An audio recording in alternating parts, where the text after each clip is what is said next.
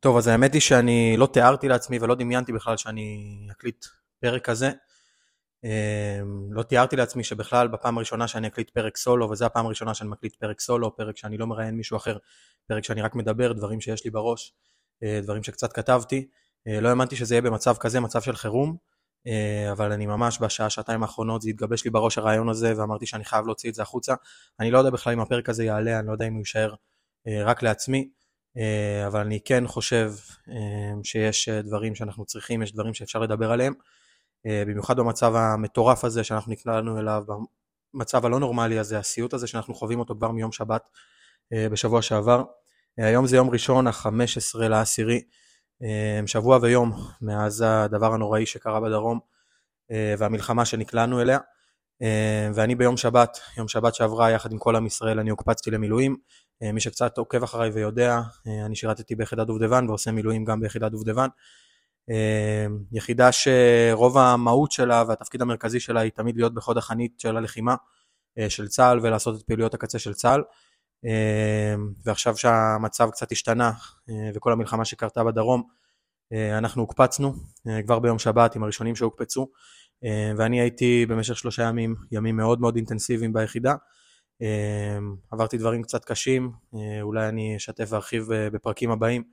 אה, וכרגע אני בבית, יצאתי הביתה, אה, בתקווה והבנה שאני הולך לחזור ליחידה, הולך לחזור לשירות של המילואים אה, בעתיד הקרוב, אני לא יודע אם זה יהיה השבוע או טיפה יותר בהמשך. ואיך שאני יצאתי, אני הבנתי שאני צריך לעשות כמה דברים, א', להתנדב וכמובן לעזור לציוד וכל מה שאפשר לחיילים, לחבר'ה שלי ביחידה, אבל, אבל מעבר לזה, אנחנו בניו מדיה התחלנו לערוך סרטונים, סרטונים שדואגים למוטיבציה ולמורל של עם ישראל ולהסברה בעולם. אה, לעשות כמה שיותר מהמקום שלנו, מה, מהזווית ראייה שלנו, אה, כל עוד אני נמצא בבית, אה, ואחד הדברים שחשבתי שאני יכול לעשות זה להקליט את הפרק הזה.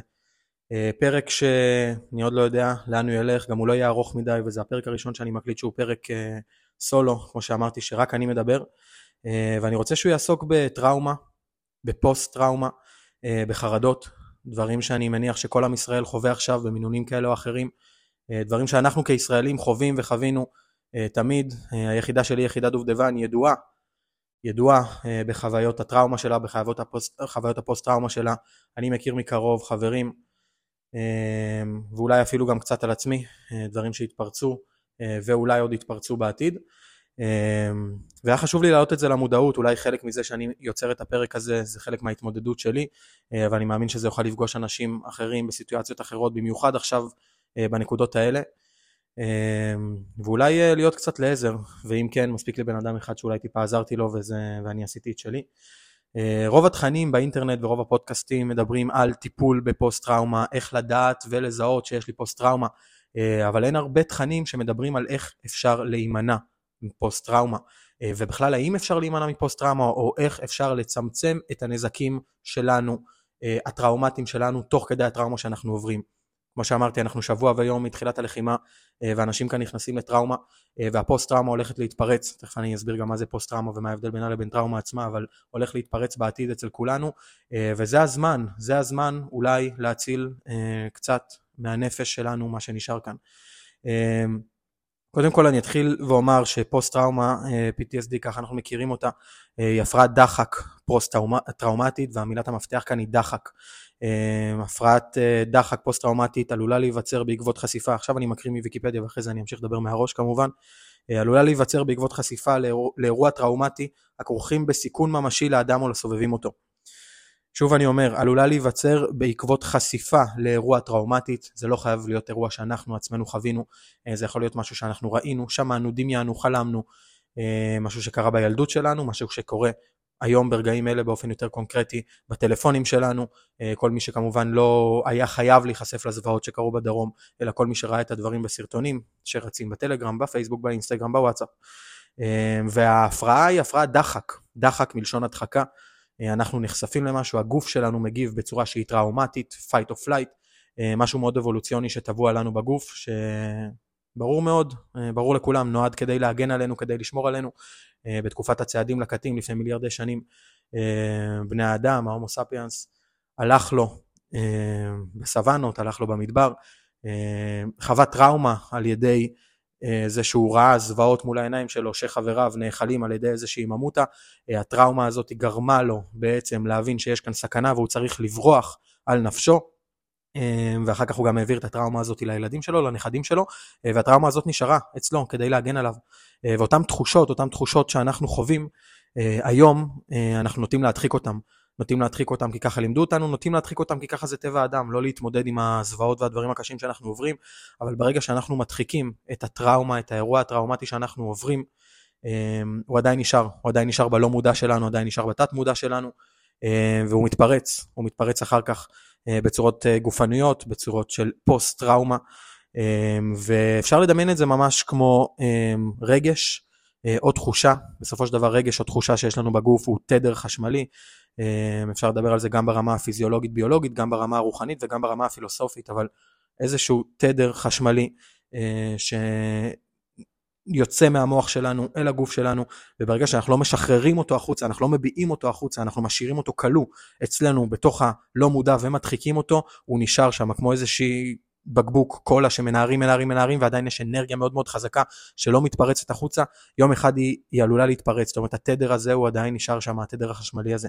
אמ, ובמיוחד אני יכול להגיד גם כי אני שירתתי ביחידה כזאת, אה, אבל גם הצבא, הצבא מרגיל אותנו לא להתמודד עם טראומות, הצבא מרגיל אותנו שזה בסדר, כן, יש את היתרונות של זה, אם אני הייתי צריך לנהל מערכה צבאית, כנראה שככה גם הייתי מחנך את החיילים, אה, כדי שיוכלו להילחם וברגע האמת לא להתמודד עם הרגשות שלהם ולבצע את המשימה.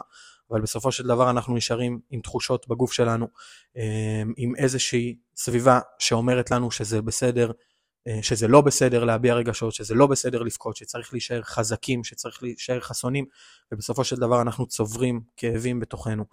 אמ, אז גם עכשיו, בתקופה שאנחנו נמצאים, אם זה חיילים שנמצאים עכשיו באזורי כינוס אה, ועומדים להיכנס אה, לרצועה, אם זה אחרים שתופסים קווים בצפון או באיו"ש, אה, או אם זה משפחות שנשארו בבית, אנשים שלא גויסו ונשארו בבית ורואים את החרדה הזאת מסביבם. אמ, אנחנו צריכים לשחרר, אה, וזה מוביל אותנו ככה לדגש הראשון שלנו. אני אגע פה בחמש נקודות, חמש נקודות מאוד מאוד פשוטות, אה, שאני ככה גיבשתי בימים האחרונים, אה, והראשונה בעצם היא לשחרר, לשחרר, לבכות, לדבר עם הסובבים אותנו, להוציא את זה החוצה, לא להשאיר בפנים, לא להשאיר את התדר החשמלי הזה בפנים, וכמה שאפשר לתת גם תחושה לאנשים שסובבים אותנו שזה בסדר, לא להגיד לילדים הקטנים שלנו, להימנע מלהגיד לילדים הקטנים, אל תפחד, אל תבכה, אל תדאג, זה בסדר לפחד, זה בסדר לבכות, זה בסדר לדאוג, לא צריך להכחיש, לא צריך להדחיק, אפשר להתמודד עם הסיטואציה. ו- ולדבר ולשתף, שזה מה שמוביל אותנו לנקודה הבאה שלנו, לדבר, לשתף, להיות בחברה של אנשים שחווים איתנו את אותם הדברים או דברים אחרים, לדבר, להוציא החוצה, לא לשמור בפנים, לא לשמור בבטן. זה מה שיציל אותנו, אה, זה מה שכבר מציל אותנו, ואנחנו יכולים לראות אחדות מטורפת ומדהימה בעם ישראל. יש אנשים שמוכנים להקשיב, יש אנשים שמוכנים לשמוע. ברגע הזה גם אני פונה אליכם, אל מי שעכשיו שומע את המילים שלי אה, ומרגיש שהוא צריך עזרה, שהוא מרגיש שהוא צריך לדבר.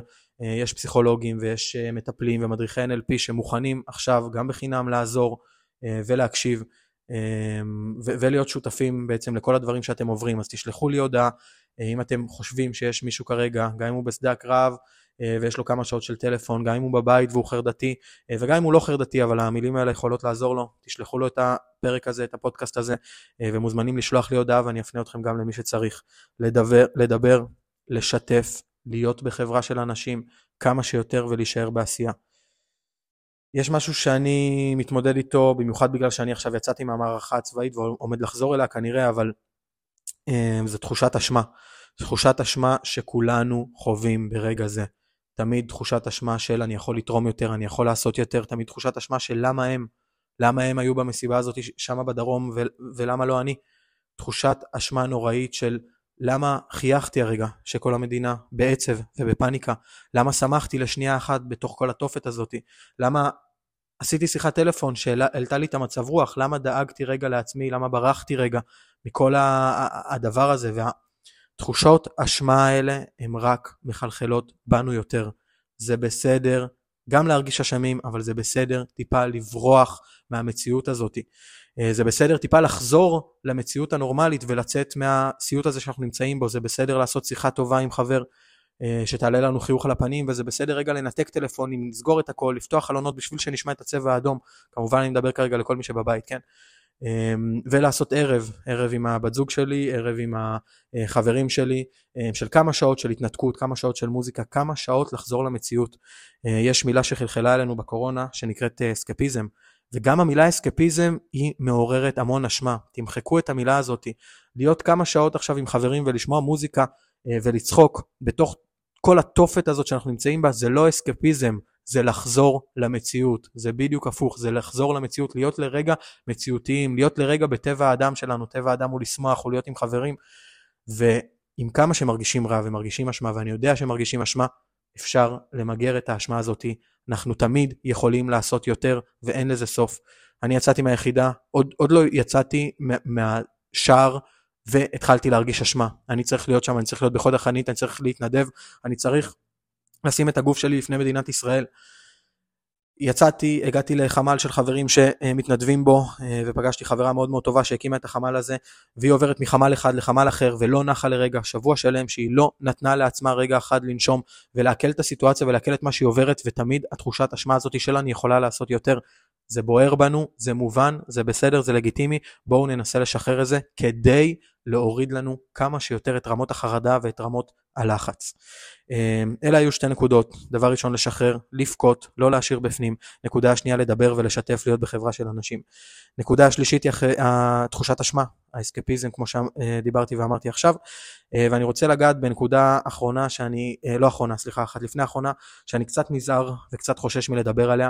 חשוב לי להגיד שכמובן אני לא פסיכולוג ואני לא פסיכיאטר, אה, ולא לקחת שום דבר ממה שאני אומר כדי לעשות איזושהי החלטה משמעותית, תמיד להתייעץ בפסיכולוגים, פסיכיאטרים. דרך אגב, עוד נקודת ביניים, זה לא בושה לקבל טיפול, כולנו בטראומה, גם אני בעצמי מטופל, זה לא בושה ללכת ולטפל בעצמכם, וכמו שאמרתי, אם יש איזשהו מניע כלכלי שגורם לכם לא להיות מטופלים, היום, עכשיו, בשבוע הזה, אני מניח גם בחודש הקרוב שאנחנו נמצאים בו, יש אנשים שמוכנים לעשות את זה גם ללא עלות ולעזור לכם. לכו, תעשו את זה, תשחררו את הדברים האלה, זה לא בושה. במיוחד לגברים שבינינו שכל החיים לימדו אותנו אמ, שאנחנו פחות צריכים לדבר על רגשות, פחות צריכים להתמודד עם הרגשות, שזה בושה לקבל טיפול, איזושהי, לא יודע, הנחת יסוד מאוד מאוד מוטעית כזאת, שאולי דורות אחורה אה, הייתה מונחת על השולחן, זה כבר לא שם. אמ, ואני אגיד אחרי שהסתייגתי מכל הדברים האלה, אמ, שהרבה אנשים לוקחים אה, כדורים אה, נגד פוסט טראומה, כדורי שינה, אה, או אפילו וויד, קנאביס שמעשנים. זה מובן, זה ברור, זה בסדר לרצות את הבריחה הזאת, אבל מחקרים מראים, ועוד פעם מי שרוצה לקבל מאמרים ומחקרים שמראים את הדברים האלה, שישלח לי הודעה ואני אשלח לו אותם, אמ, שאלה דברים שדווקא תוך כדי הטראומה, אני לא מדבר על טיפול בתוך טראומה, אבל תוך כדי שאנחנו חווים את הטראומה, אה, להיעזר בכדורי שינה וכדורים שהם נוגדי אה, טראומות והרגעות, אם לא הייתם רגילים להשתמש בהם ביום יום, אה, דווקא יכולים להגביר את תחושת הפוסט טראומה שעלולה להתפרץ במועד מאוחר יותר, אז לכן תמיד תמיד תמיד להתייעץ עם פסיכולוג, להתייעץ עם פסיכיאטר שמכיר אתכם, וגם וויד, קנאביס, מריחואנה, נפוץ מאוד, כולם משתמשים, כולם מעשנים. ביום יום לא הייתי ממליץ אה, להשתמש, ביום יום זה גורם לכם להתרחק מעצמכם, אבל דווקא בתקופה הזאתי, אני יודע שזה עוזר להרבה מאוד אנשים, אם אפשר להימנע, אם אפשר להפחית, זה גורם לכם עוד יותר להדחיק, וכמו שאמרתי, להדחיק שווה פוסט טראומה שתתפרץ בשלב יותר מאוחר, זה בסדר כרגע להתמודד עם הדברים, עם כמה שזה קשה, תהיו בחברה של אנשים אמ, ותתמודדו, תתמודדו, זה קשה, אבל אנחנו ביחד עם זה ואנחנו ננצח. דבר אחרון, הנקודה האחרונה שאני רוצה לדבר עליה, והיא הנקודה שהכי הכי בוערת בי, היא כל מה שקשור לתמונות וסרטונים וקבוצות טלגרם והתראות של ynet וכל הדבר הזה שמכניס אותנו ומשאיר אותנו, יותר ממכניס אותנו, משאיר אותנו בחרדה ובלחץ מתמיד. אה, זה משהו שאני מדבר עליו גם בסרטונים אחרים שלי בהקשרים של ניהול זמן אה, או בהקשרים של הפחתת סטרס ולחץ ביום יום. ואני אחלק את זה לשניים. קודם כל, כרגע אנחנו נמצאים ואנחנו רואים תמונות וסרטונים איומים, איומים, איומים, מצונזרים או לא מצונזרים, אה, שנמצאים בוואטסאפ, בטלגרם, בוויינט, אה, בפייסבוק, באינסטגרם, בטיק טוק, בכל מקום.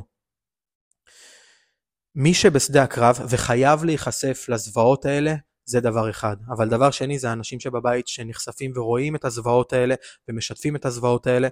אה, מתוך יצר סקרנות, מתוך אה, גם איזושהי תחושת אשמה שאחרים חווים את זה, אז גם אני צריך לחוות את זה, וזה הדבר הכי נורא שאנחנו יכולים לעשות את זה לעצמנו. קודם כל, במובן ה... הרגע שנייה להבין את המטרה שלשמה הסרטונים האלה צולמו. חמאס צילמו את הסרטונים האלה כדי לעורר חרדה. ארגון טרור, המטרה שלו לעורר אימה. הם הגיעו לשם ועשו נזק עצום בחיי אדם וחטופים אה, ושבויים בדרום, אבל מעבר לזה הם הצליחו, והם באמת הצליחו להזיק לכל מדינת ישראל בתחושת אימה וחרדה באמצעות הסרטונים האלה. כשאנחנו רואים, משתפים, מדברים עם, על הסרטונים האלה שהם צילמו, סרטוני הזוועות האלה, אנחנו בעצם נותנים יד למטרה שלהם, עוזרים להם להגשים את המטרה שלהם. אה, זאת הסיבה שאנחנו גם בניו מדיה אה, החלטנו שלא להפיץ סרטונים כאלה, לא רצינו לזעזע את העולם, יש אחרים אה, בהסברה וגופים, כמובן שהממשלה עושה את זה על הפנים, אבל גופים אזרחיים אחרים שעושה את זה בהסברה, אנחנו החלטנו לעורר את המורל בעם ישראל ולהעלות סרטוני עוצמה שקראנו להם סרטוני מוטיבציה, מוזמנים כמובן גם להסתכל באינסטגרם שלי ובאינסטגרם של ניו מדיה, לשם אנחנו מעלים את הדברים.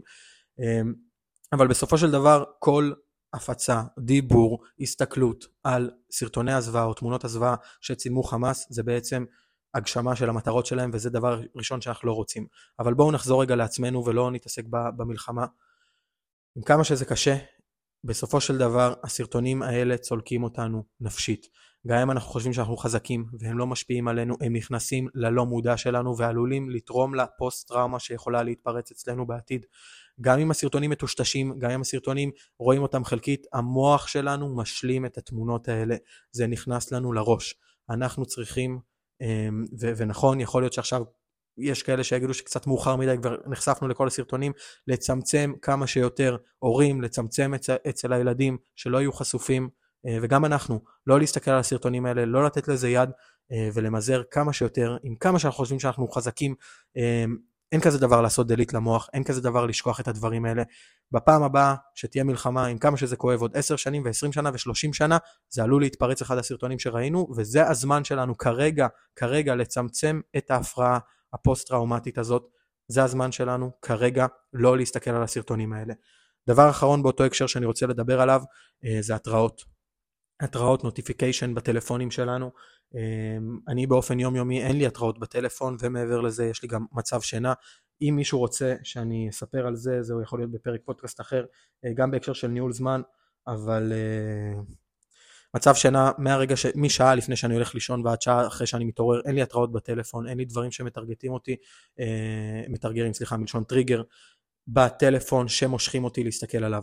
תחשבו על זה שאתם הולכים לישון אחרי יום מאוד מאוד עמוס עם הזוועות שראינו אה, וכל התחושת פאניקה והחרדה, הולכים לישון בשעה 1, 12 בלילה ובשעה 4 פתאום מתעוררים, מתעוררים רק רוצים לראות מה השעה, מסתכלים על הטלפון, לוחצים על המסך, רק רוצים לראות מה השעה, נשבע לכם, אתם מסתכלים רק על השעה 4, 402, זאת השעה, בלי ששמתם לב בכלל, העיניים שלכם קראו את ההתראה מוויינט, העיניים שלכם קראו את ההתראה בוואטסאפ, העיניים שלכם הכניסו לכם באופן לא מודע לתוך הלא מודע שלכם, לתוך התת מודע שלכם, את הידיעות, את הדברים שמכניסים אתכם לפאניקה, אתם חוזרים לישון, אתם חולמים על זה, גם אם אתם זוכרים או לא זוכרים את החלומות שלכם, אתם חולמים על זה, זה נכנס לכם ללא מודע, ואתם יוצרים מצב שאתם 24/7 מקיפים את עצמכם בחרדות, מקיפים את עצמכם בתוך כל המציאות הנוראית הזאת שנקלענו אליה.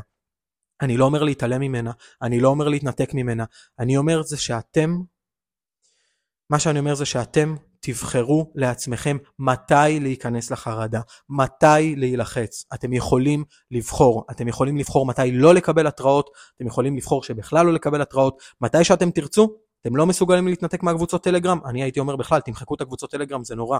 אתם לא מסוגלים להתנתק מהקבוצות טלגרם? הכל בסדר. תבחרו אתם מתי להיכנס ולהזדעזע. תבחרו אתם מתי לצאת ומתי לא לתת לכם להש... להשפיע על זה. טלוויזיה שפתוחה בבית 24/7, כל הזמן נכנס לכם בראש. גם אם אתם עושים דברים אחרים ובכלל מבשלים ולא מקשיבים לטלוויזיה, זה נכנס לכם ללא מודע.